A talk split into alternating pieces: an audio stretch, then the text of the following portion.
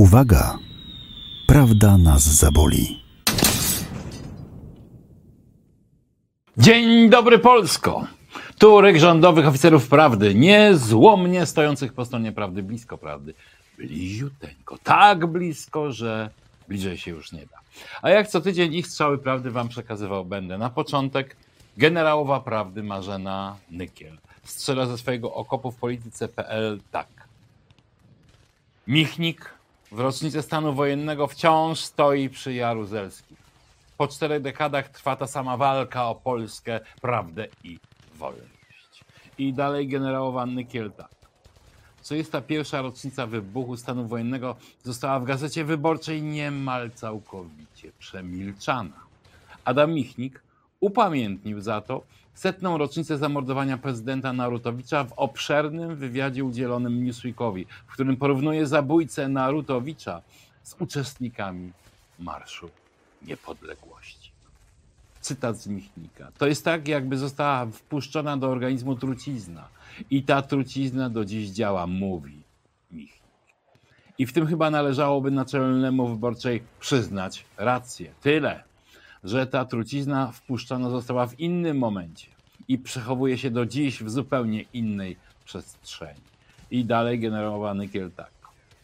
Oddając dziś hołd wszystkim Polakom zamordowanym w stanie wojennym i prześladowanym przez komunistyczny reżim, przypomnijmy sobie nie tylko zbrodnie generała Jaruzelskiego, ale także tych, którzy świadomie okłamywali opinię publiczną, czyniąc to do dziś. Na szczególną uwagę zasługuje tu rzeczony Adam Michnik, nazywający generała polskim patriotem, patriotą i facetem, który kocha Polskę. I dalej Nykiel tak. Postkomunistyczny twór i potwór wciąż ma się świetnie. Mimo upływu, upływu czterech dekad nie możemy jednoznacznie powiedzieć, że ofiara życia ludzi poległych w stanie wojennym nie poszła na marne. Owszem, Pamiętamy, oddajemy hołd, ale nadal jesteśmy obrzydliwie manipulowani i pozbawieni historycznej sprawiedliwości. Byli zomowcy, milicjanci, żołnierze Ludowego Wojska Polskiego, którzy stan wojenny zapamiętali jako wydarzenie kulturalne. Wciąż mają się świetnie. Przy wsparciu polityków obecnej opozycji i liberalno-lewicowych mediów gromadzą się licznie na protestach, których celem jest obalenie konserwatywnych rządów. Nie dziwi więc to ciągłe zohydzanie patriotyzmu i chrześcijańskich wartości. Ciągły atak na konserwatystów, prawicowy rząd i Kościół, obłuda i fałsz pod płaszczykiem obrony demokracji, praworządności i wolności. Dopóki więc postępować będzie bezczelne zakłamywanie historii, nie ma żadnej przestrzeni na budowanie narodowej zgody, bo bez prawa bo bez prawdy nie ma ani zgody, ani jedności, ani nawet wspólnego narodu. I właśnie o to rozgrywa się ten nieustający spór. Oto czyja i jaka będzie Polska.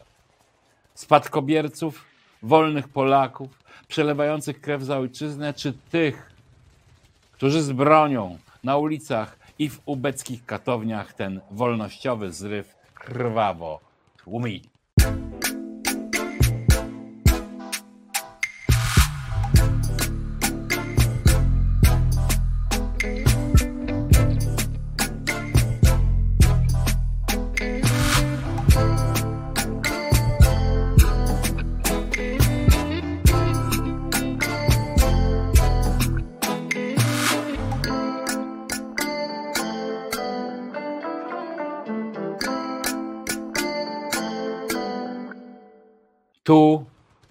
Najpolskie Radio Prawdy. Tu najpolskie Radio Prawdy. Jeszcze się bronimy. Jeszcze nadajemy. I bitwa, która trwa bez przerwy, ale teraz zaogniła się, strzały padają coraz gęstsze, gęstsze to jest bitwa o sądownictwo, a właściwie wojna z sędziami. I oto niepodpisany strzał, pewnie snajpera, z okopów polityce.pl brzmi tak a właściwie ten huk brzmi tak. Szokujące zachowania sędziego z kasty na sali sądowej. Zdjął togę i podniesionym głosem przeszkadzał w rozprawie. To miała być standardowa sprawa apelacyjna dotycząca przestępstwa przeciw nieletniemu i przemocy w rodzinie. W jej trakcie doszło jednak do skandalu. Sędzia, który uczestniczył w posiedzeniu, chciał, by strony podważyły status reszty składu. W pewnym momencie zaczął podniesionym głosem przeszkadzać w rozprawie, a na znak protestu ściągnął togę. Krajowa Rada Sądownictwa domaga się, by w sprawie zachowania sędziego Wojciecha Maczugi wszczęto postępowanie wyjaśniające. I dalej zamaskowany snajper tak. To nie jedyny incydent z krakowskiego sądu, który znalazł się w zainteresowaniu Komisji Odpowiedzialności Dyscyplinarnej KRS. Kilka tygodni temu portal w polityce opisywał ekscesy sędziego Macieja Ferka z Sądu Okręgowego w Krakowie. Sędzia Ferek miał zdaniem prezesa SO, Sądu Okręgowego w Krakowie, walczyć z inną sędzią przy pomocy produktów spożywczych oraz biurka. Ogórki kiszone, otwarty pojemnik z kapustą kiszoną, śledziami, konserwa rybna oraz owoce. Pani sędzia nie mogła wykonywać pracy w tym gabinecie ze względu na unoszącą się w nim woń. Relacjonowano zachowania sędziego Ferka. A KRS informował. Pan sędzia Ferek ponownie usunął biurko pani sędzi i umieścił je pod drzwiami gabinetu przewodniczącego na szóstym piętrze. Pan sędzia ponownie ją usunął i tym razem biurko zostało umieszczone przez pana sędziego w gabinecie przewodniczącego wydziału. A na biurku przewodniczącego sędzia Ferek umieścił pismo i pudełko ze śledziami, które było nieświeże. Groteskowe zachowania krakowskich sędziów to skandal i element politycznej wojny kasty sędziowskiej. Zakładnikami w tej wojnie są niestety strony, które mają być chronione przez sąd. Mamy nadzieję, że ekscesami Ferka i Maczugi wkrótce zajmie się rzecznik dyscyplinarny. I w tej samej e, wojnie strzela kapitan prawdy Stanisław Janec. I też strzela w okopów polityce.pl. To smutny znak czasów, że gdy prawnicy odgrywają bogów, zaś aktorzy mędrców, a wszystko to prowadzi do wielkiej bufonady. Te zawody formalnie dzieli przepaść. Ale faktycznie coś podobnego jest z nimi nie tak, choć skutki tego są diametralnie różne. Chodzi o prawników, szczególnie sędziów, i twórców kultury, szczególnie aktorów. Niestety, uzurpacja i bufonada to także cechy wyróżniające klan prawników, ze szczególnym uwzględnieniem sędziów. No bo co jest takiego nadzwyczajnego w dość nudnych, w dużej części pamięciowych studiach prawniczych, żeby po ich ukończeniu i zrobieniu specjalizacji decydować o życiu i śmierci, o biedzie bądź dostatku, o szczęściu czy niedoli?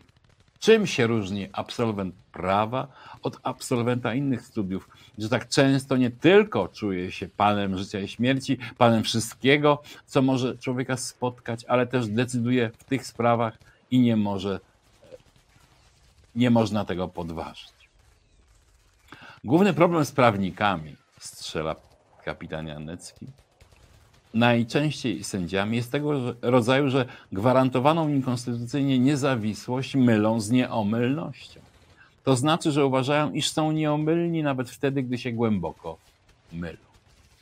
To oczywiście nie ma nic wspólnego z niezawisłością, ale skutkuje uzurpacją i bufonadą, no i poczuciem nietykalności, cokolwiek by się nie zdarzyło. Mimo istnienia procedur dyscyplinarnych, które przez dekady były fikcją, a i obecnie mają być fikcją, bo nieomylność wprost prowadzi do nietykalności. Skąd i stąd taka wściekła wojna z Izbą Dyscyplinarną Sądu Najwyższego, której powołanie miało być sposobem na nieomylność prowadzącą do nietykalności. Innymi słowy, na uzurpację boskości, która była czystą bufonadą. I dalej Stanisław Janecki, tak.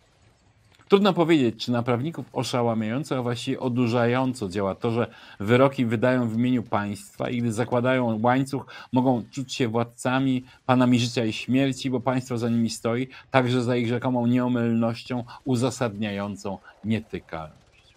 Umowa społeczna w jakimś sensie to gwarantuje, ale bez przesady, bo z nieomylnością nietykalności, bo z nieomylności i nietykalności może korzystać zarówno prawnik wybitny, a przy tym głęboko etyczny, jak i ignorant oraz człowiek do cna zdemoralizowany, na przykład łapówkarz. W przypadku twórców kultury uzurpacja wynika z odgrywania różnych ról, nie tylko przez aktorów, ale i reżyserów czy pisarzy i wiążącego się z tym przekonania, że potrafią wszystko i każdego zrozumieć, czy też zdekonstruować. Choćby ograniczało się to do najba, najbanalniejszej z banalnych psychologicznych dywagacji, najczęściej z lewozmywakowej psychoanalizy. I kończy swój morderczy strzał kapitan Janecki tak.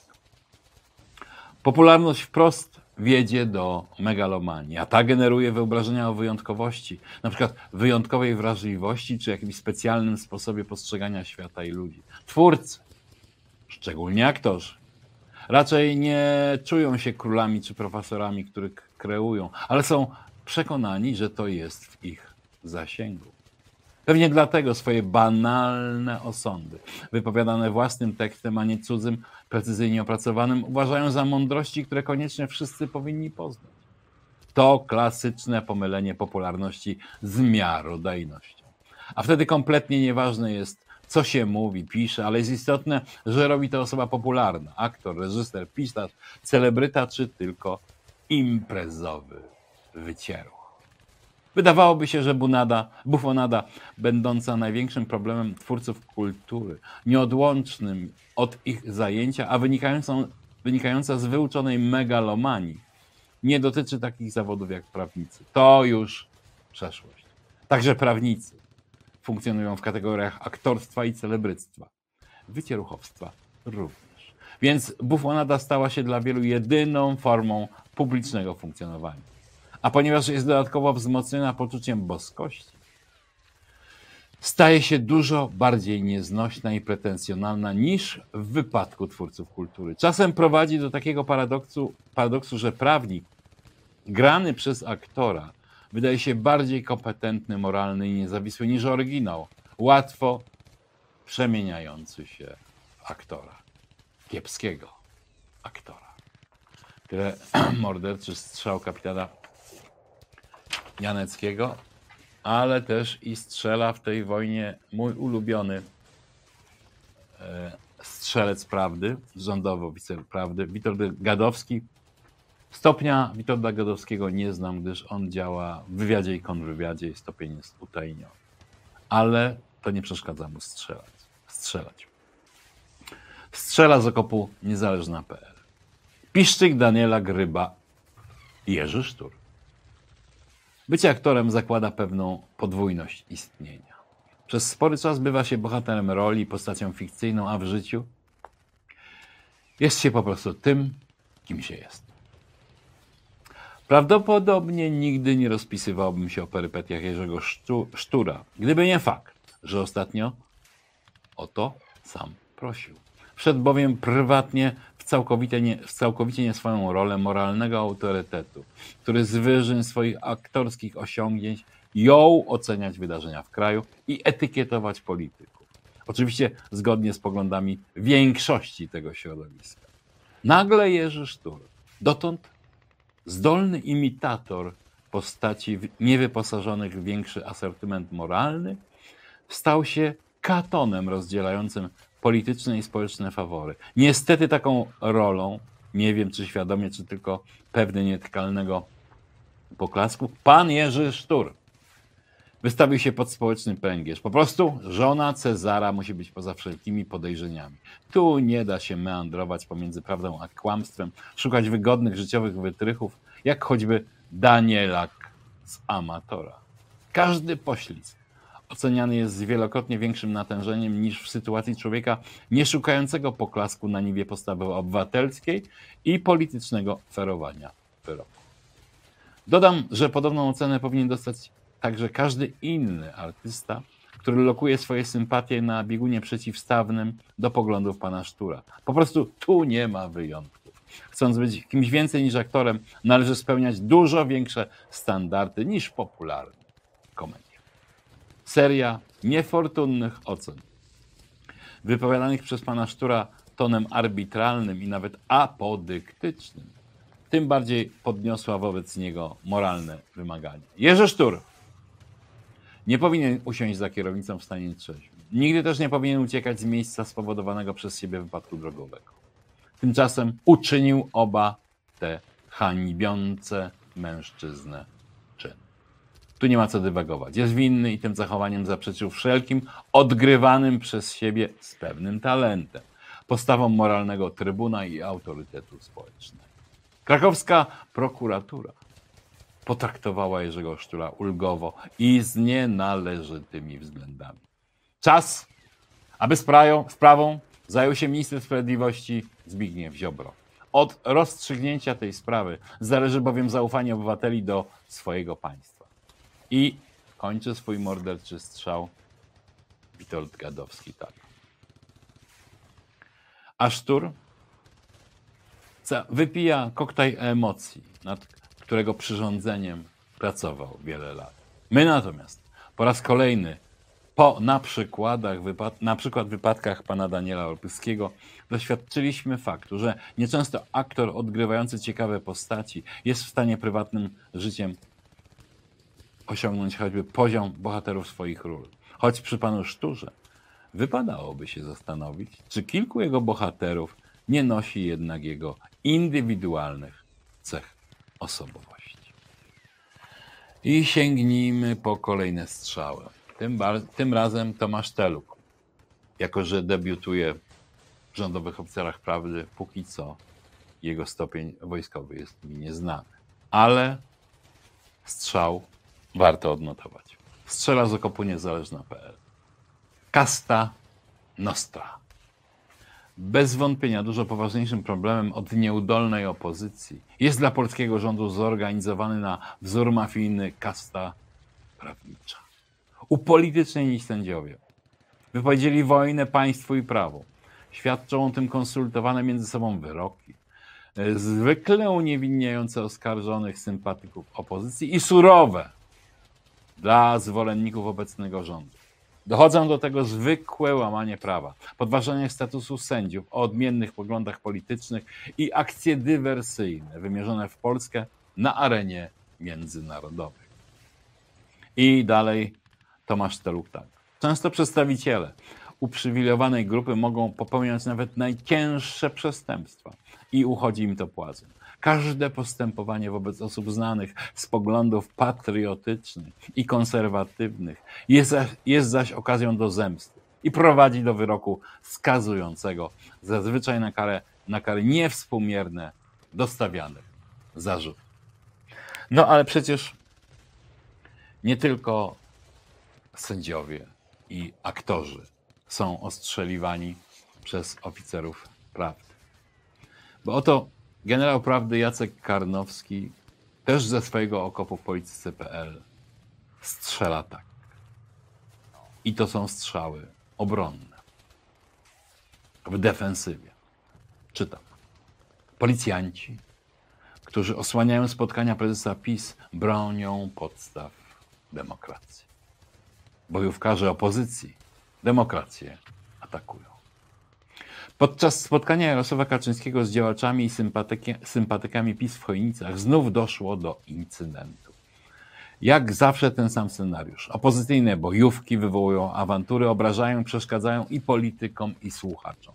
Dobija się do drzwi, a na końcu wstaje ktoś, kto dostał się na salę i oskarża. Dlaczego sprowadziliście 400 policjantów? Czego ty się boisz, człowieku? To jest odwaga? Cynizm to nieprawdopodobny. Strzela dalej generał Karnowski Jacek. Najpierw sięganie po przemoc, demolowanie spotkań, próba odebrania jednego z zasadniczych praw demokratycznych, a później wypominanie obecności policji i zarzut, że Jarosław Kaczyński rzekomo czegoś się boi. Czyli, można domniemywać, zdaniem opozycji lider PiS powinien pozwolić bojówkarzom opozycji na niszczenie przestrzeni debaty. Powinien ostatecznie zrezygnować ze spotkań z wyborcami. Powinien ulec przemocy. Twierdzą, że walczą w imię demokracji, a tak naprawdę niszczą demokrację. Gdyby Jarosław Kaczyński odpuścił, gdyby pozwolił bojówkarzom na zablokowanie tej drogi kontaktu z wyborcami, w istocie postąpiłby jak ci liderzy partii demokratycznych, którzy w latach 30. ubiegłego wieku ustępowali przed rewolucyjną ulicą, czy to czerwoną, czy czarną.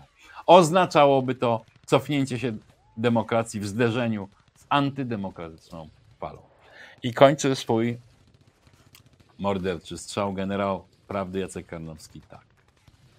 Policjanci, którzy osłaniają spotkania Jarosława Kaczyńskiego, bronią podstaw demokracji. Bojówkarze, którzy próbują zdemolować spotkania lidera PiS, demokrację atakują. To są podstawowe sprawy. Nie pozwólmy, by zwycięstwo, by zwyciężyło kłamstwo, by wygrało odwrócenie podstawowych pojęć. I drugi z dwururki prawdy, generalskiej dwururki prawdy, Michał Karnowski też swój strzał w tym tygodniu oddaje, choć nieco rozbudowany. Czytam, więc strzelam. Co nam mówi ten wściekły atak części prasy na kompromis w sprawie KPO? Zawaliły się dwa cyniczne plany. Odbiorca mediów lewicowo-liberalnych może się mocno pogubić. Przez kilkanaście miesięcy brak należnych nam bezprawnie blokowanych pieniędzy z Krajowego Planu Odbudowy był główną zbrodnią rządu Zjednoczonej Prawicy. Całe zło świata tam miało rzekomo swoje źródło. Czy wody wystąpiły z brzegu? Czy słońce przygrzało? Czy urodziła się rolnikowi dwugłowa krowa? Winien był brak pieniędzy z KPO. Przyszłość? też rysowała się czarno. Bankructwo wyliczono tym razem na marzec, choć kilka takich wcześniejszych terminów przeszło bez pocichu. Bez przerwy odwoływali się do Vox Populi. Sondaż gonił sondaż. Każdy z wyrażoną wyraźną wolą Polaków, by jednak się z komisją dogadywać.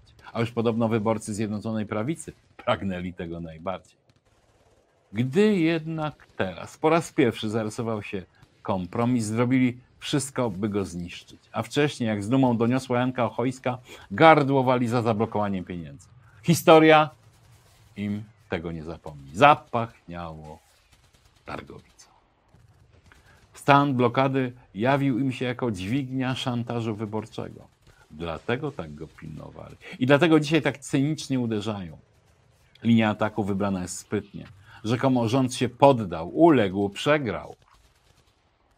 Niech martwią się mić, nagle martwią się misiaczki godnością Zjednoczonej Prawicy. Celem jest oczywiście zmniejszenie skali możliwego sukcesu i rozbicie rządzącej koalicji. To samo gra część prasy określającej się mianem prawicowej. Z boku, z wygodnych łóż komentatorskich, lóż osi łóż komentatorskich, bez żadnego poczucia odpowiedzialności za cokolwiek, recenzują rzekome straszliwe ustępstwa. Dwa radykalizmy podają sobie ręce. Obu tym grupom zawalił się pewien cyniczny plan. Dlatego nie interesują ich, co naprawdę wynegocjowano.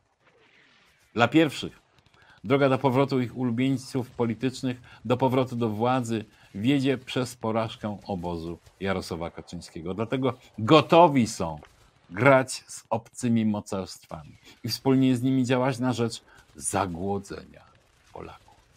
Dla drugich najważniejsze są plany zbudowania własnej prawicy, a o tym marzą. Tego wielokrotnie próbowali, a to będzie możliwe, możliwe tylko na trupie Prawa i Sprawiedliwości. I kończy generał Michał Karnowski tak. Mimo wszystko, jeśli to trudne dla obu stron porozumienie uda się zrealizować, będziemy mogli mówić o dobrym kroku naprzód, o wyjściu z niedobrego pata. Zwyciężyła odpowiedzialność za Polskę. Otwiera się też perspektywa pewnego solidnego zwycięstwa obozu propolskiego. A to jest najlepsza gwarancja oddalenia zagrożeń dla suwerenności i rozwoju. To było wszystko, były wszystko strzały prawdy. Wydrukowane czarno na białym. Uwaga! Prawda nas zaboli. A teraz witam wszystkich miłośników poezji, bo prawierz, prawierz, prawdziwie prawicowy prawie wiersz. Niestety, Tomasz Piątek nadal e, w swym łożu boleści, zwalony grypą, ale i tam wyszukuje, czyta i komentuje e, prawiersze. A ja tylko to przeczytam. Dzisiejszy prawiersz otwiera nasz ulubiony, potwierdzam, poeta doradca zarządu TVP Marcin Wolski, który nie może się nadziwić, że wiceszefowa Parlamentu Europejskiego jest ścigana za łapówkę. Trudno właściwie powiedzieć, co bardziej go dziwi. To, że wzięła łapówkę, czy to, że jest ścigana. Sprawiedliwość dziejowa nie osiadła na laurach. Marszałkini brukselska właśnie trafia do Mamra. Unia patrzy, nie wierzy, ze zdumienia nie mieje. Pouczają na co dzień, wytyczają, a nie mieje, że na czele liderów się znaleźli złodzieje. Pouczają na co dzień, wytyczają standardy, a tymczasem są sami godni mega pogardy. Ilu ich jest w Brukseli? Wstyd powiedzieć przy dzieciach. Jedna czwarta, a może nawet i jedna trzecia. Czymże jednak jest łapówka wobec gigantycznego oszustwa, którego zgniłym mydłem mydlą nam oczy zgniłe elity Zachodu. Jak zdaje się pouczać Wolskiego nasz ulubiony prawieszcz Marek Gajowniczek. Za mamieniem kryje się zagadka. Gdzieś, a gdzieś, na Olimpie Bogów, obok, na zwycięskim progu politycy i strategzy utrzymają świat w niewiedzy. O prawdziwych zagrożeniach w przypadku zezwierzęcenia napadu los obrony, jakiego w latach minionych człowiek wśród największej dziczy nie doświadczył, nie przećwiczył, nie znał skali, a co gorzej, przewidzieć skutków nie może. No ale skoro gajowniczek, to musi być i Lwów 47, ich cotygodniowy wielki pojedynek na poetyckim Parnasie. I poeta Lwów 47 też wieszczy zniszczenie. Ile razy po trupie Polski będzie Żyd oraz Niemiec przechodzić? Ile razy rusińska pogarda będzie zdrajców i katów tu rodzić? Jeszcze rany głębokie nas bolą i na kresach krzyż trwogi nas budzi. Sprzymierzyli się z mową Judasze, aby ukryć srebrniki wśród ludzi. Dzisiaj dawne upiory nas straszą. Nad grobami Wołynia pożary. Poplątała się pamięć i kłamstwo z polskiej krwi. Znów przed nami ofiary. Anglosasi, jak zawsze grają brudną kartą rzucaną w Warszawie. Europa przyznaje ochłapy i rozdaje unijne bezprawie. W naszym domu morderca już czeka, uzbrojony w nienawiść i zdradę. Obudź Boże sumienie świata i zatrzymaj światową zagładę. Hmm. To w tym tygodniu trudny pojedynek Lwowa i Gajowniczka. Jednak ze względu na e, tajemnicę i pewną hermetyczność e, ostatniego wiersza Gajowniczka, to ja osobiście i e, jednoosobowo przyznaję ten tygodniowy laur Gajowniczkowi za tajemniczość, bo w końcu po to też jest poezja, żeby tajemnicą tłumaczyła wszystko. Zagłada, jak wieszczy Lwów 47. Tak, ale naszym wrogom. W ten sposób debiutant dzisiejszego prawiersza, poeta Ernest, ucina czarnowictwo wieszczów. On widzi przyszłość ciasko. I rach, i ciach. Łeb wroga spadł na piach. Choć odcięta głowa ta, bełkot tego jeszcze trwa. Luźny język tego zucha wciąż wywija tam, gdzie żuchwa i coś mamle, coś mamrocze, coś bełkocze, coś tam kląska.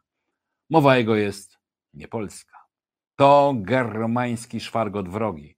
Lubi dalekie parle France. Od słuchania złapiesz France. Więc nie słuchaj tego zucha, tylko łeb odetnij mu. Niech nie ględzi gu gu gu. No, piękny debiut. Taki trochę żołnierski, rytmiczny i przekaz też, też jasny jest. E, nie ma się co zastanawiać. Łeb wroga trzeba odciąć, będzie leżał w piachu i tylko trzeba posłuchać, w jakim mówi języku, żeby na koniec się e, przekonać, z kim naprawdę należy walczyć.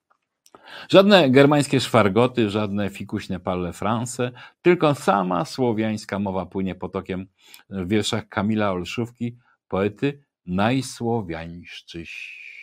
Nie, najsłowiańszczego. Jakże wspaniale byłoby zebrać książki wszystkie, zarówno te naukowe, jak i publicystyczne, poruszające tematykę polskich, średnio, wczesnośredniowiecznych plemion słowiańskich, zarówno Polan, jak i Wiślan, Lędzian, jak i Dziadoszan, plemion lechickich, choć wszelakich, zawsze jednako dumnych i walecznych.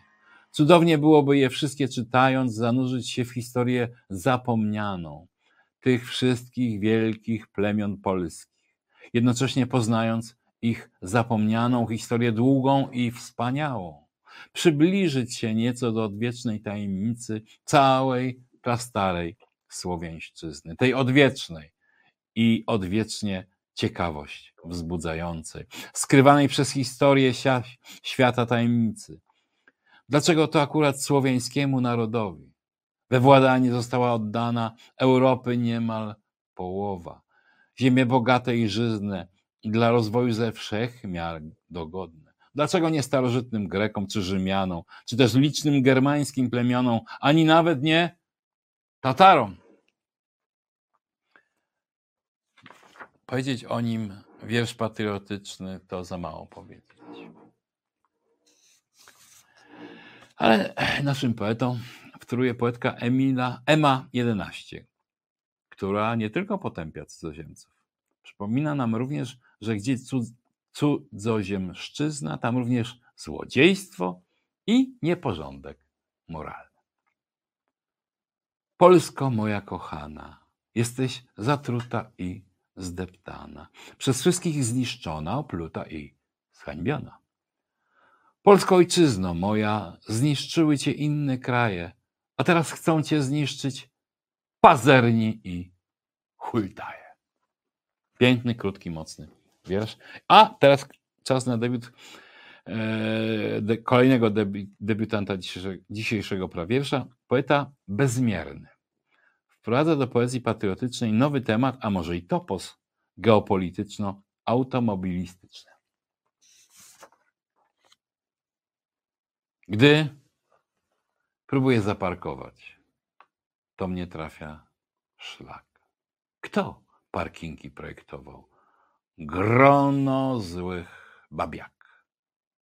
Takie wąskie są cholera, że nie wcisnę się. Kto się tak popierał, żeby zwężać mnie? Rumak mój stalowy jest przestronny. Hej!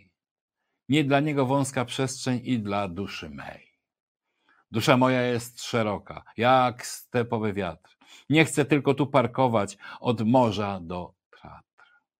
Kto zaparkował Polskę w kąciku? Od Karpat do Bałtyku? Kto nam przestrzeń odebrał, że trzeba nam o nią żebrać?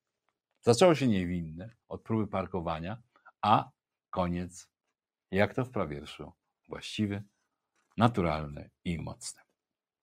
Tymczasem znany nam dobrze autor podpisujący się Pająk Front Człowiek z naprzeciwka lasu raczy nas celnym utworem na jeden temat aktualny oraz drugi wiecznie aktualny. Próbują nam wmówić, że inna kasa to dobro. Ja wolę ziobro.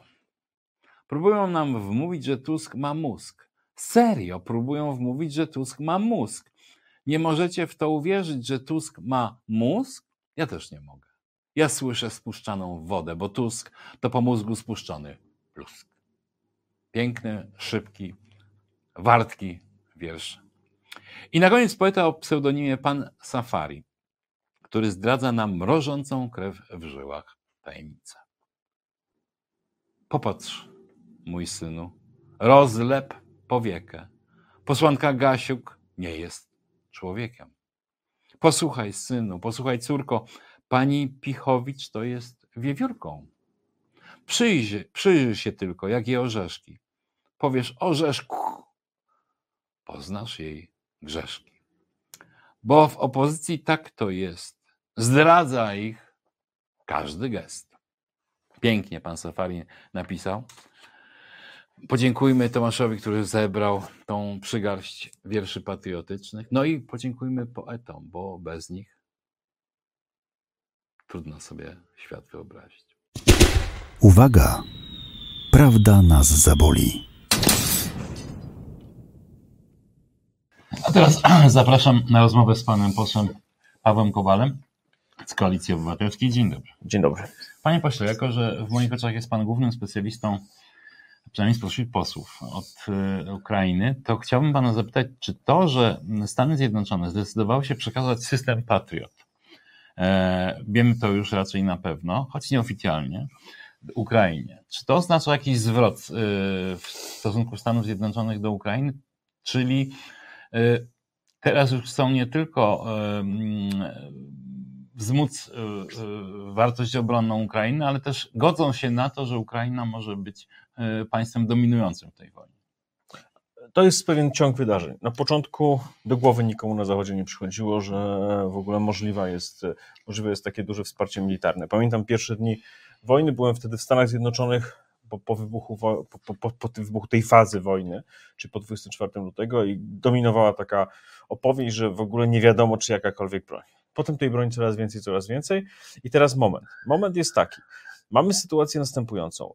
E, Putin u, uderzył w system energetyczny Ukrainy w sposób bez precedensu od II wojny światowej, a mhm. może nigdy.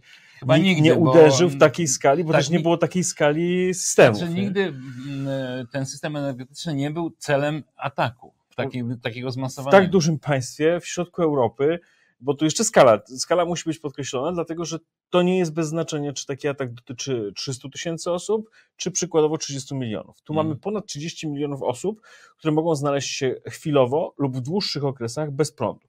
To wynika z, z tych stałych ataków rakietowych. I teraz mamy taką sytuację. Ukraińcy strategicznie zwyciężą w tej wojnie.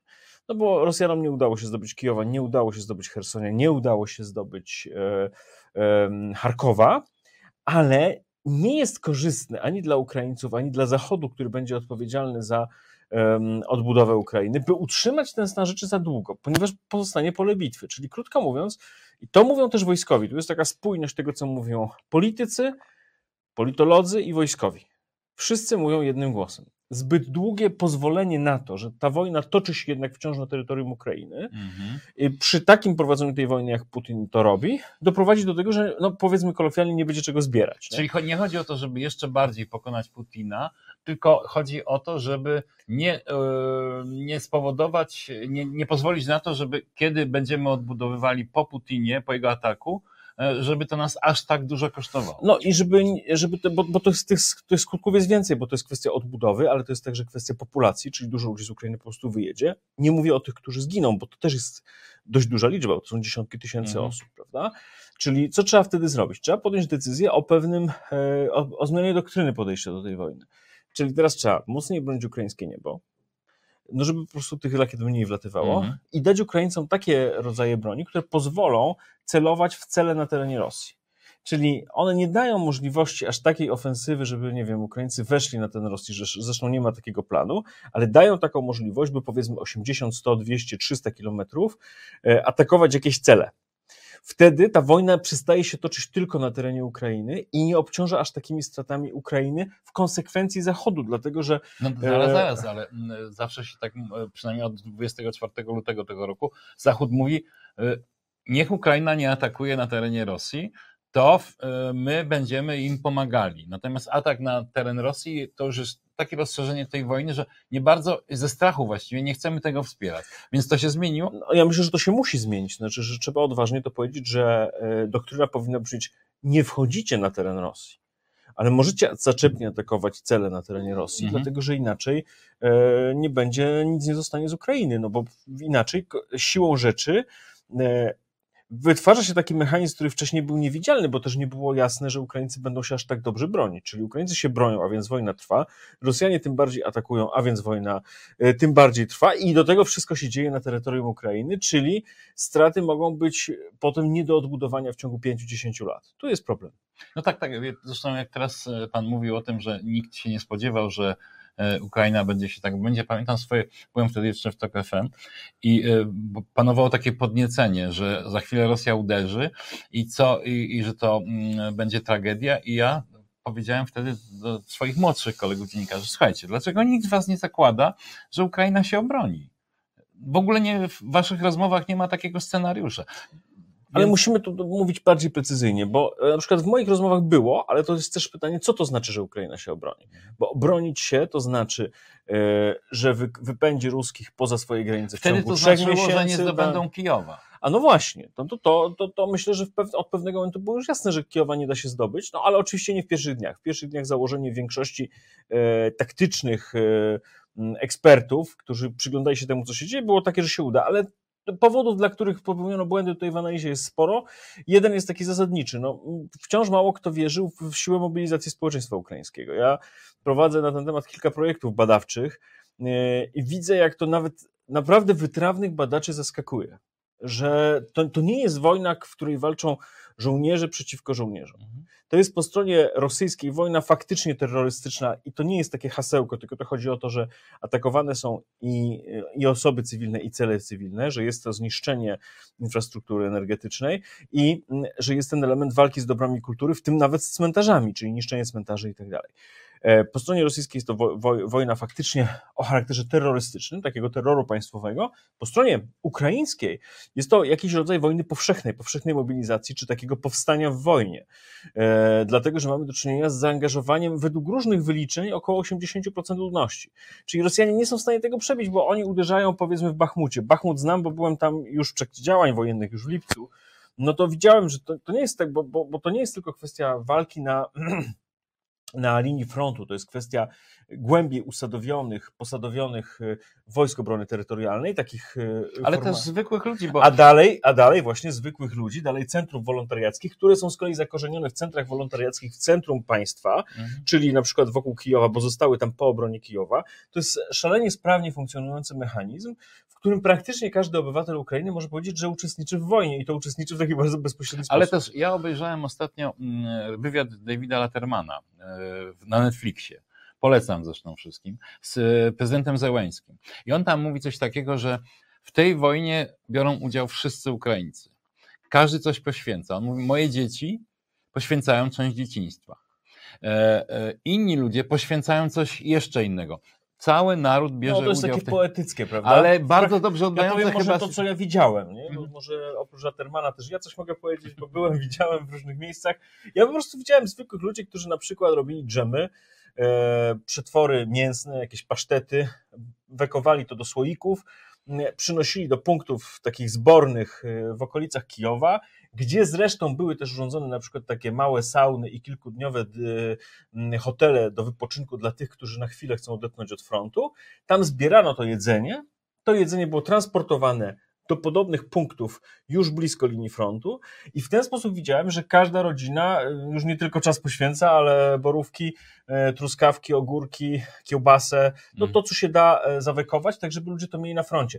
I to jest ciekawe, bo przecież dla świata to jest zadziwiające, bo gdzie dzisiaj w tych profesjonalnych armiach byłoby to w ogóle możliwe, choćby ze względu na standaryzację nikt by się nie zgodził na takie coś, że każdy może przynieść jedzenie. No tak, tak, tak. Ale panie pośle, jest jeszcze inny problem, a właściwie nie problem, szansa. E, e, już przed wojną mieliśmy sporą diasporę Ukraińców w Polsce. E, teraz jest ich znacznie więcej. Przed inwazją trzeba jasno sobie powiedzieć, że wielu Polaków traktowało Ukraińców jako ludzi drugiej kategorii. Była taka, mm, taka w narodzie, że się tak wyrażę, wyrażę polskim, taka, takie patrzenie z pobłażliwością i z wyższością na Ukraińców. No, takie trosze, troszeczkę takiego nie, ja to obserw- tak jak pan obserwował tak. na Ukrainie, tak ja mam bardzo dużo znajomych Ukraińców od 90 roku w Polsce i wiem, jedna z moich właściwie dobrych znajomych powiedziała mi, przyjechała do Polski, miała 16 lat, dzisiaj ma 22. Mówiła, powiedziała mi, że zanim nie przyjechała do Polski, to myślała, że słowo rasizm dotyczy czarnych. I dopiero w Polsce przekonała się, że rasizm e, nie dotyczy tylko czarnoskórych. Więc taki nastrój w Polsce. Nie, to trochę przesada. Rasizm nie. to rasizm. Yy, znaczy nazywanie ja, rzeczy, ja tylko znaczy mówię... ona tak powiedziała, bo takie miała emocje, no ale rasizm to rasizm, a to o czym ona mówiła, jak sądzę, to jest taki, taki polski, też nie chcę pobłażać, bo jak mi się to akurat też nie podobało, ale bardziej to śledziłem na podstawie naszych różnych znajomych polskich, na podstawie, nazwijmy tak, elity warszawskiej, to mówię poważnie, elity często, ale potem jak rozmawiało się, nagle się zeszła moja Ukrainka, nie? To moja Ukrainka brzmi to w uszach do bardzo teraz, pejoratywnie. Bardzo. Ja nie wiem, czy pejoratywne, to jest nie, nie, ja wiem, ja wiem, do że to jest... pracy, który dla mnie jest jakiś taki neokolonialny z kolei, nie? No tak samo jak Polacy tak. byli przez Niemców przez wiele lat tak, w no. podobny sposób traktowani, ale... Nawet, nawet czasem sympatycznie mówiono o tej mojej Ukraińce, tylko że ten cały stosunek do jej pracy, ten sposób o, o obmawiania i tych e, pań, które pomagały w domu. Ale przykład. przecież to jest ten sam schemat, ta sama kalka. Panie pośle, antysemita powie, ale mam jednego Żyda, i którego bardzo lubię, on jest fajny. I to jest właśnie moja Ukrainka w tym wydaniu. Ale chciałbym o czymś innym powiedzieć. E, teraz e, patrzymy z dosyć bliska na to, jak bohaterski, ofiarny okazuje się naród ukraiński w tej walce będziemy musieli w związku z tym przewartościować e, swój stosunek do Ukraińców, również tych w Polsce, bo być może wyrasta nam pod bokiem najbardziej waleczny, najbardziej ofiarny, najlepiej zorganizowany naród. I... No zobaczymy. Znaczy, y, my, my, powinniśmy patrzeć na Ukraińców już po partnersku, nawet jeżeli kogoś dotychczas nie było stać, to, to na pewno. Natomiast y, na razie trzeba ich wesprzeć, żeby tę wojnę wygrali. Mhm. I żeby ją wygrali w odpowiednim czasie. No Dlatego, tak, ale że mnóstwo ich jest też tutaj. Skutki tej wojny mogą być dla nich, jako dla narodu, dla społeczeństwa, dla społeczności, mogą być naprawdę dalej idące niż to dzisiaj widać. I mówię zarówno o traumie wojennej, jak i o pieniądzach na odbudowę. Na pewno oni się pokazują od najlepszej strony, ale na pewno będą też trudniejsze momenty i też szykujmy się na to, że jeszcze będzie parę trudniejszych momentów. Prosta rzecz. Zaczęliśmy od ataku Putina na infrastrukturę energetyczną. Kto nam zagwarantuje, że nie będzie zimą kilku milionów e, migrantów energetycznych? No nie, tego nam nikt nie zagwarantuje. A przejdźmy jeszcze na koniec do innego tematu, bo yy, bardzo się emocjonujemy wydarzeniami wojennymi yy, na Ukrainie wspieramy i z podziwem patrzymy na Zełęskiego. Ale czy taka polityka e, wewnętrzna za, zamarzła w Ukrainie? Nie ma opozycji, nie ma krytyków? Jest krytyka, jest oczywiście trochę krytyki, ale generalnie ta elita polityczna ukraińska, która też była często krytykowana przez badaczy, przez innych polityków, okazała się dość dojrzała, bo muszę powiedzieć, że tak, krytyka jest, gdzieś tam po cichu ona się tli i to tak jak to w życiu politycznym, no funkcjonuje parlament, są w tym parlamencie też jakieś dyskusje, natomiast generalnie Zełenski może liczyć na wsparcie swoich głównych konkurentów, przede wszystkim byłego prezydenta Poroszenki, który ma mocną pozycję polityczną jako główny opozycjonista dzisiaj, ale także takich liderów opozycyjnych wyrastających ze społeczeństwa, na przykład związanych z ruchem wolontariackim. Ale mówi się o kliczce, że. No, ale Kliczka też jest, on, on jest istotny w centralnej Ukrainie, ponieważ jest liderem, e, jest prezydentem, burmistrzem Kijowa, e, ma swoją piękną kartę z obrony Kijowa, zyskał na tym bardzo dużo, no i też e, może być traktowany dzisiaj jako silny opozycjonista, ale także w tych ramach, które powiedziałem, czyli w ramach takiej dobrze pojętej lojalności państwowej w ramach wojny. Mhm. I myślę, że to do końca wojny, że Zełenski ma zagwarantowane, on będzie miał później problem, kiedy, zacznie, kiedy zaczną się negocjacje, bo jeżeli je źle poprowadzi, to on jeszcze będzie krytykowany. To jeszcze nie skończyło się wszystko. Tak, tak. Natomiast na razie to, co widać, elita polityczna bardzo dojrzała. No tak, pozostaje jeszcze problem zadłużenia. Mm, Włącznie, co ciekawe, e, może zamiast zadłużenia to o tym powiem, wielu polityków e, dawnej partii regionów. Na Czyli przykład, partii prorosyjskiej. Na przykład w Krzywym Rogu mój, e, mój dobry znajomy, wicepremier z rządu Azarowa, mm, Wiłku, no to kiedy ja patrzę na to, jak on się zachowuje, kim on dzisiaj jest, On miał zawsze takie bardzo proukraińskie nastawienie, mimo tego, że był w partii prorosyjskiej, ale dzisiaj jego postawa to są dzisiaj przykłady do naśladowania. To Mhm. dzisiaj to tak wygląda dzisiaj Ukraina, także ta Ukraina rosyjskojęzyczna. Czyli Ukraina. Tak, tak, bo ona już pozostała chyba tylko rosyjskojęzyczna, natomiast w głowach już jest co innego i to generalnie zapewnił Putin. E, Śmiałą, e, s- swoją śmiałą, e, swoim śmiałym atakiem na Ukrainę. Na koniec jeszcze chciałbym Pana zapytać, jak Pan ocenia zagrożenie dla Ukrainy płynące z tego, że e, oto różni e, neoliberałowie szykują się do namawiania państw, które mają pomagać w odbudowie Ukrainy, żeby ci wprowadzili neoliberalizm e, gospodarczy w Ukrainie, czyli e, tak zwani chłopcy z Chicago. e, Ja myślę, że odbudowa Ukrainy powinna przebiegać tak. Powinna powstać duża agencja certyfikująca pieniądze na odbudowę. Polska, Stany, Unia usytuowana w, w Polsce, która by oceniała projekty realizowane na Ukrainie. Nie pod kątem tego, czy są bliższe szkoły chicagowskie, czy dalsze, ale pod kątem tego, czy nie służą oligarchizacji, czy nie budują korupcji, czy są Mhm. modernizacyjne i społeczne. E, To ja wiem, że są takie pomysły, żeby e, bu- odbudowywać Ukrainę w taki sposób, jak odbudowano państwa w Europie Środkowej postkomunistyczne po 89 Szokował roku. generalnie. Wie pan co, nawet to nie chodzi o szokowo, bo, to, bo ja nie jestem na przykład krytykiem Balcerowicza, tylko rozumiem inny kontekst historyczny. Po prostu wtedy to była kwestia odbudowy państwa z gospodarki komunistycznej do No rynkowej, tak. a tu będzie odbudowa po wojnie z gospodarki rynkowej. Ale po wojnie to jest inna sytuacja po prostu. I lepiej tych kalek, e, także wszystkim radzę, i liberałom, i antyliberałom, żeby dać sobie spokój z tymi kalkami, bo to po prostu jest inna sytuacja. Bardzo dziękuję. Za Dziękuję bardzo. Uwaga! Prawda nas zaboli. A teraz witam wszystkich w audycji spółdzielni Pogodna Rozpacz Zjednoczonego Przemysłu Pogardy. Ze mną wraz w studio tylko niestety Marcin Celiński. Niestety ja.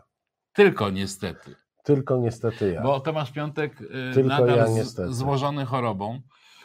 Y, Zaniepokojonych y, chyba spieszymy donieść, że nie jest to choroba ani dyplomatyczna, ani związana z y, próbami otrucia mm, słynnego autora książek mm, odkrywających tajemnice. Nie jest, nie jest. No jest to klasyczna choroba jesienno-zimowa, Tak. Niestety przedłużająca się. przedłużająca. Ale mimo wszystko jednak Polska czeka, żebyśmy omówili e, przerażające i nihilistyczne mm, wydarzenia, więc e, zapytam Ciebie, Marcinie, co Ciebie pchło kierunku rozpaczy albo może nawet e, nihilizmowi? Ja, y, ja muszę to przeczytać, bo boję się, że przekręcę. Nawet Dlatego czytaj i też możesz przekręcić. uży, będę cytował. Mhm. To jest y, cytat z, wiadomości Radia Z. E, otóż e, okazało się, że coś wybuchło komendzie i komendant główny wylądował w szpitalu, ale go wypuścili. Ogłuszony, ale potem odzyskał e, słuch. E, ochroniarz jakiś, no, strop uszkodzony. No, Dosyć poważna sprawa. E, I czytam ustalenia mm, e, Mariusza Gierczewskiego i Radka Grucy. Nasi informatorzy twierdzą, że wczoraj, czyli to środa, e, w godzinach porannych e, w pomieszczeniach socjalnych komendanta głównego wystrzelił granatnik.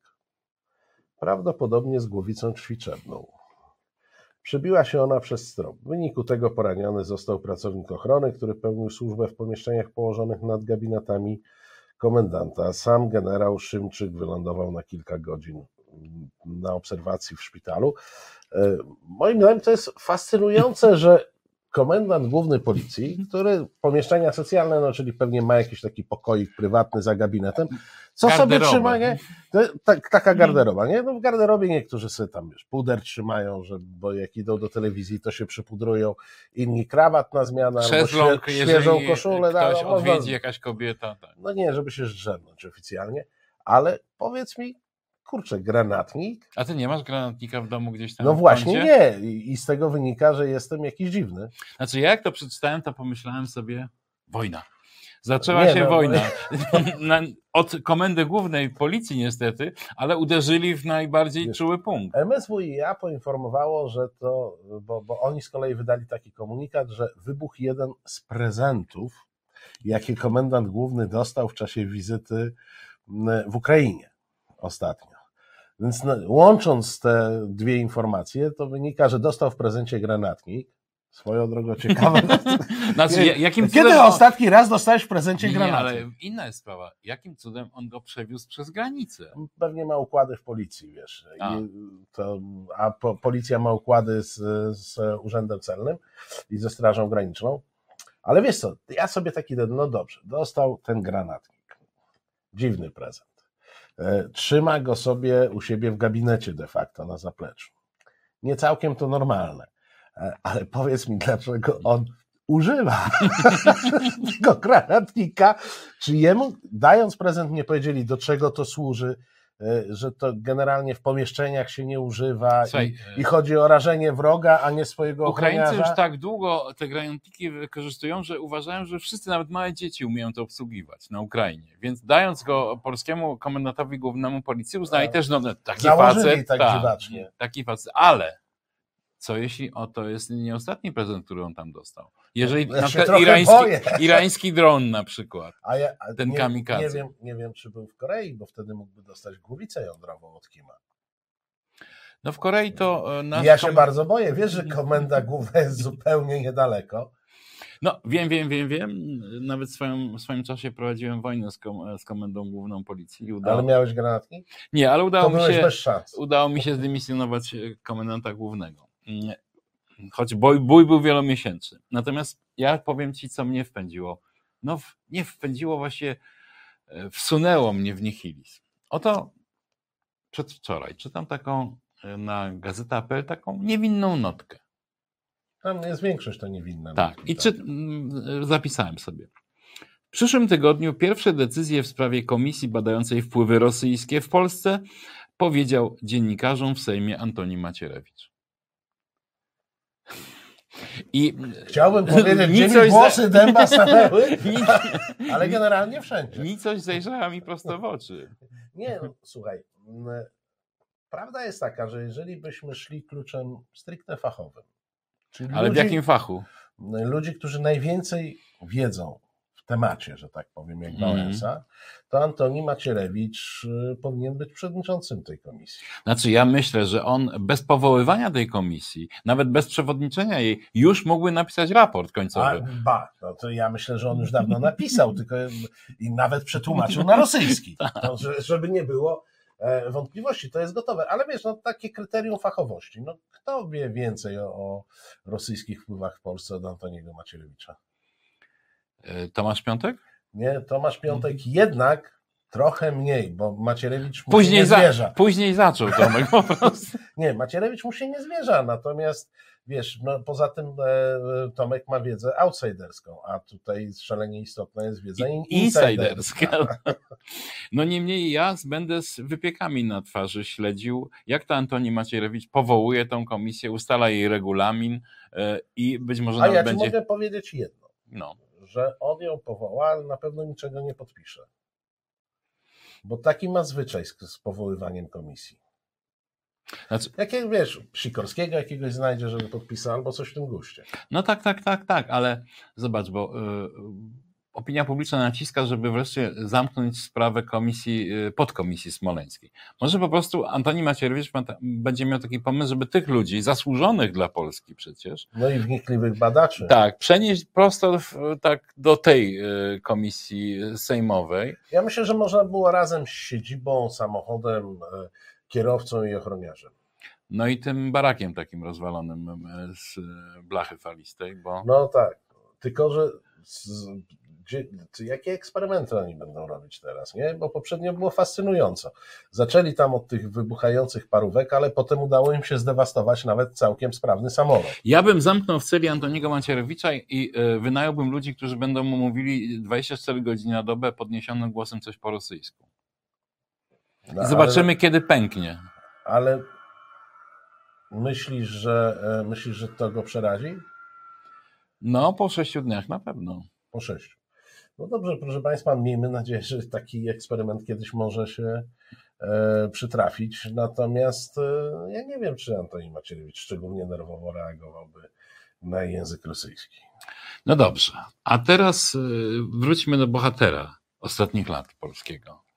Którego? No to już ostatnie lata obrodziły bohaterami. Tak zwany ZZ. O, I nie mówię o Zorro, tylko Zbigniew Ziobro.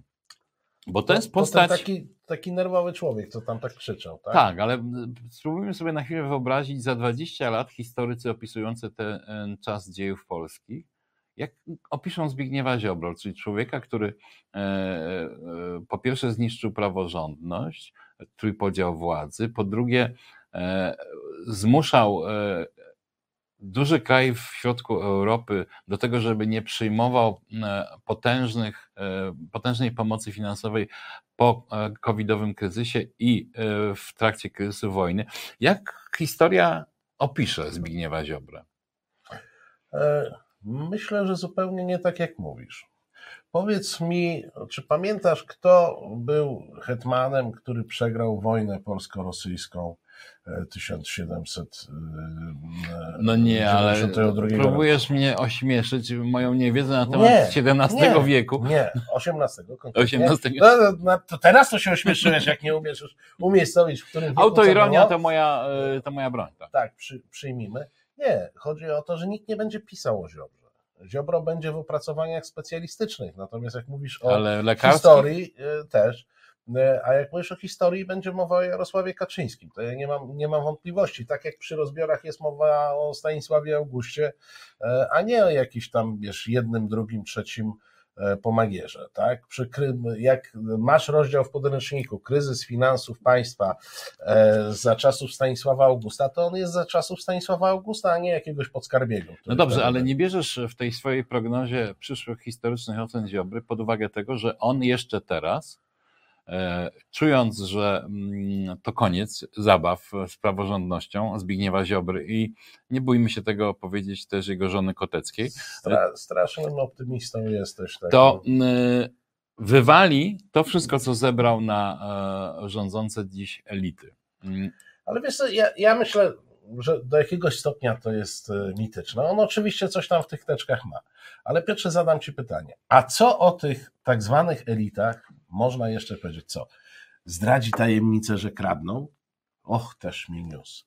E, Że się źle prowadzą?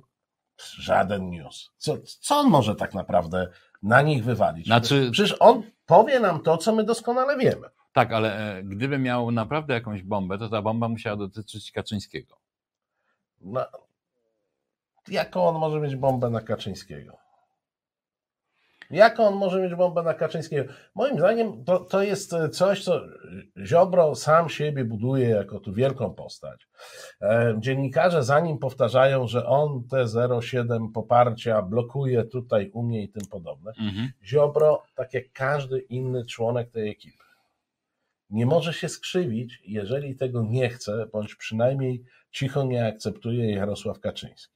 Więc Ziobro także fika do tego momentu, do którego Jarosław Kaczyński mu pozwala, bo z jakichś przyczyn taki fikający No i choćby z tego, jest, jest miły. No. to z tego względu może w annałach historyków za 20-30 lat pojawi się postać oczywiście Kaczyńskiego jako demiurga i jego najlepszej kukiełki, czyli Zbigniewa Ziobry. Ale pamiętaj, że po to, żeby błazen przeszedł do historii, to musi być Stańczykiem w historii Polski. Jeden. Jeden, błazen przeszedł do historii. Ziobro nie będzie tym długim, drugim, bo, A- ty bo, bo nie taki- ma predyspozycji. Ty jesteś taki mocny w tej historii, to powiedz mi, czy Stańczyk nie był jedynym błaznem na polskim dworze? No nie, nie, nie. Byli inni, tak? O, by błaznów. E, Pamiętaj, że wbrew temu, co się mówi, nigdy błazen nie był jeden. Mhm. Zawsze trzeba mówić o błaznach. Na każdym dworze było ich co najmniej kilku. Ale jest z tą funkcją, tak? Z tą funkcją, błazna, tak. To nie było to jak koniuszy, że był jeden. Nie. Błaznów zawsze było kilku. E, Stańczyk był tym, który pewnym zbiegiem okoliczności, a zapewne także własną inteligencją wybił się e, na to, że o nim w ogóle pamiętamy, bo na przykład dotarł do świadomości e, Dzięki Matejce głównie. Matejki, który chciał na, namalować. Ale ta historia, którą tam nam opowiada Matejko, jest do jakiegoś stopnia prawdziwa. Tak? To był taki błazen, mm, to był taki błazen, który bywał mądrzejszy od całego otoczenia, choć się z tym nie zawsze zdradzał, bo to funkcja błazna wymaga pewnej dyscypliny. Samo ośmieszenia się też y, Tak. we właściwym E, momencie. Natomiast nie, na każdym, na każdym dworze, już właśnie usiłuję sobie przypomnieć, ale przekręcę to wtedy ja się zbłaźnię, był taki też dosyć słynny błazen Jana Kazimierza. E, któremu podobno straszliwie dokuczał w okresie e, To mi umkło. e, szwedzkiego, no ale on nie był Stańczykiem, tak? No, on nie był Stańczykiem i tutaj moim zdaniem w tej, w tej palecie jakichś błaznów polskich e, Ziobro ma pośrednie miejsce dosyć. No, naprawdę ja myślę, że tu trudno znaleźć konkurencję, w której e, Ziobro jest zawodnikiem jakoś przewyższających in, innych, bo nawet jeżeli w danym momencie on nam się wydaje śmieszniejszy, groźniejszy, bądź bardziej czerwony, to i tak zawsze znajdziemy Nie, lepszy. nie, nie. W jednej kategorii on wygrywa. I to jest anioł zemsty. Bo przecież jego walka z lekarzami to była zemsta za ojca, którego jego zdaniem e, lekarze niewprawnie ratowali, więc go nie, jak uratowali. tak. Potem sądy, e, e, nie, przed sądami Ziobro przegrywał walkę z tymi lekarzami, więc sądy stały się kolejnym elementem jego mm, zemsty i tak to leci. Więc aniołem zemsty jest największym na... A, a, no aniołem zemsty pewnie tak, ponieważ anioł zemsty to, to rzadka, rzadka przypadłość jednak, ale z- zobacz, że to też jest tak, mnie on się bardziej wpisuje w taką, w taką rolę niedouka, To tak, bo... który ma żal do całego świata, że tym niedoukiem jest i bardzo chętnie kopie wyżej wykształconych. Więc mamy tu w kwestiach prawniczych, moim zdaniem, takie prostsze e, psychologiczne e, wytłumaczenie. On tych sędziów, prokuratorów, adwokatów po prostu nienawidzi, bo nigdy nie był w stanie stać się normalnym prokuratorem, sędzią czy adwokatem. Aplikacji nie, zda, nie zdawał e, dosyć regularnie. Wiesz, on miał szczęście, że na prokuratora generalnego nie trzeba zrobić aplikacji, bo by pewnie nie znał.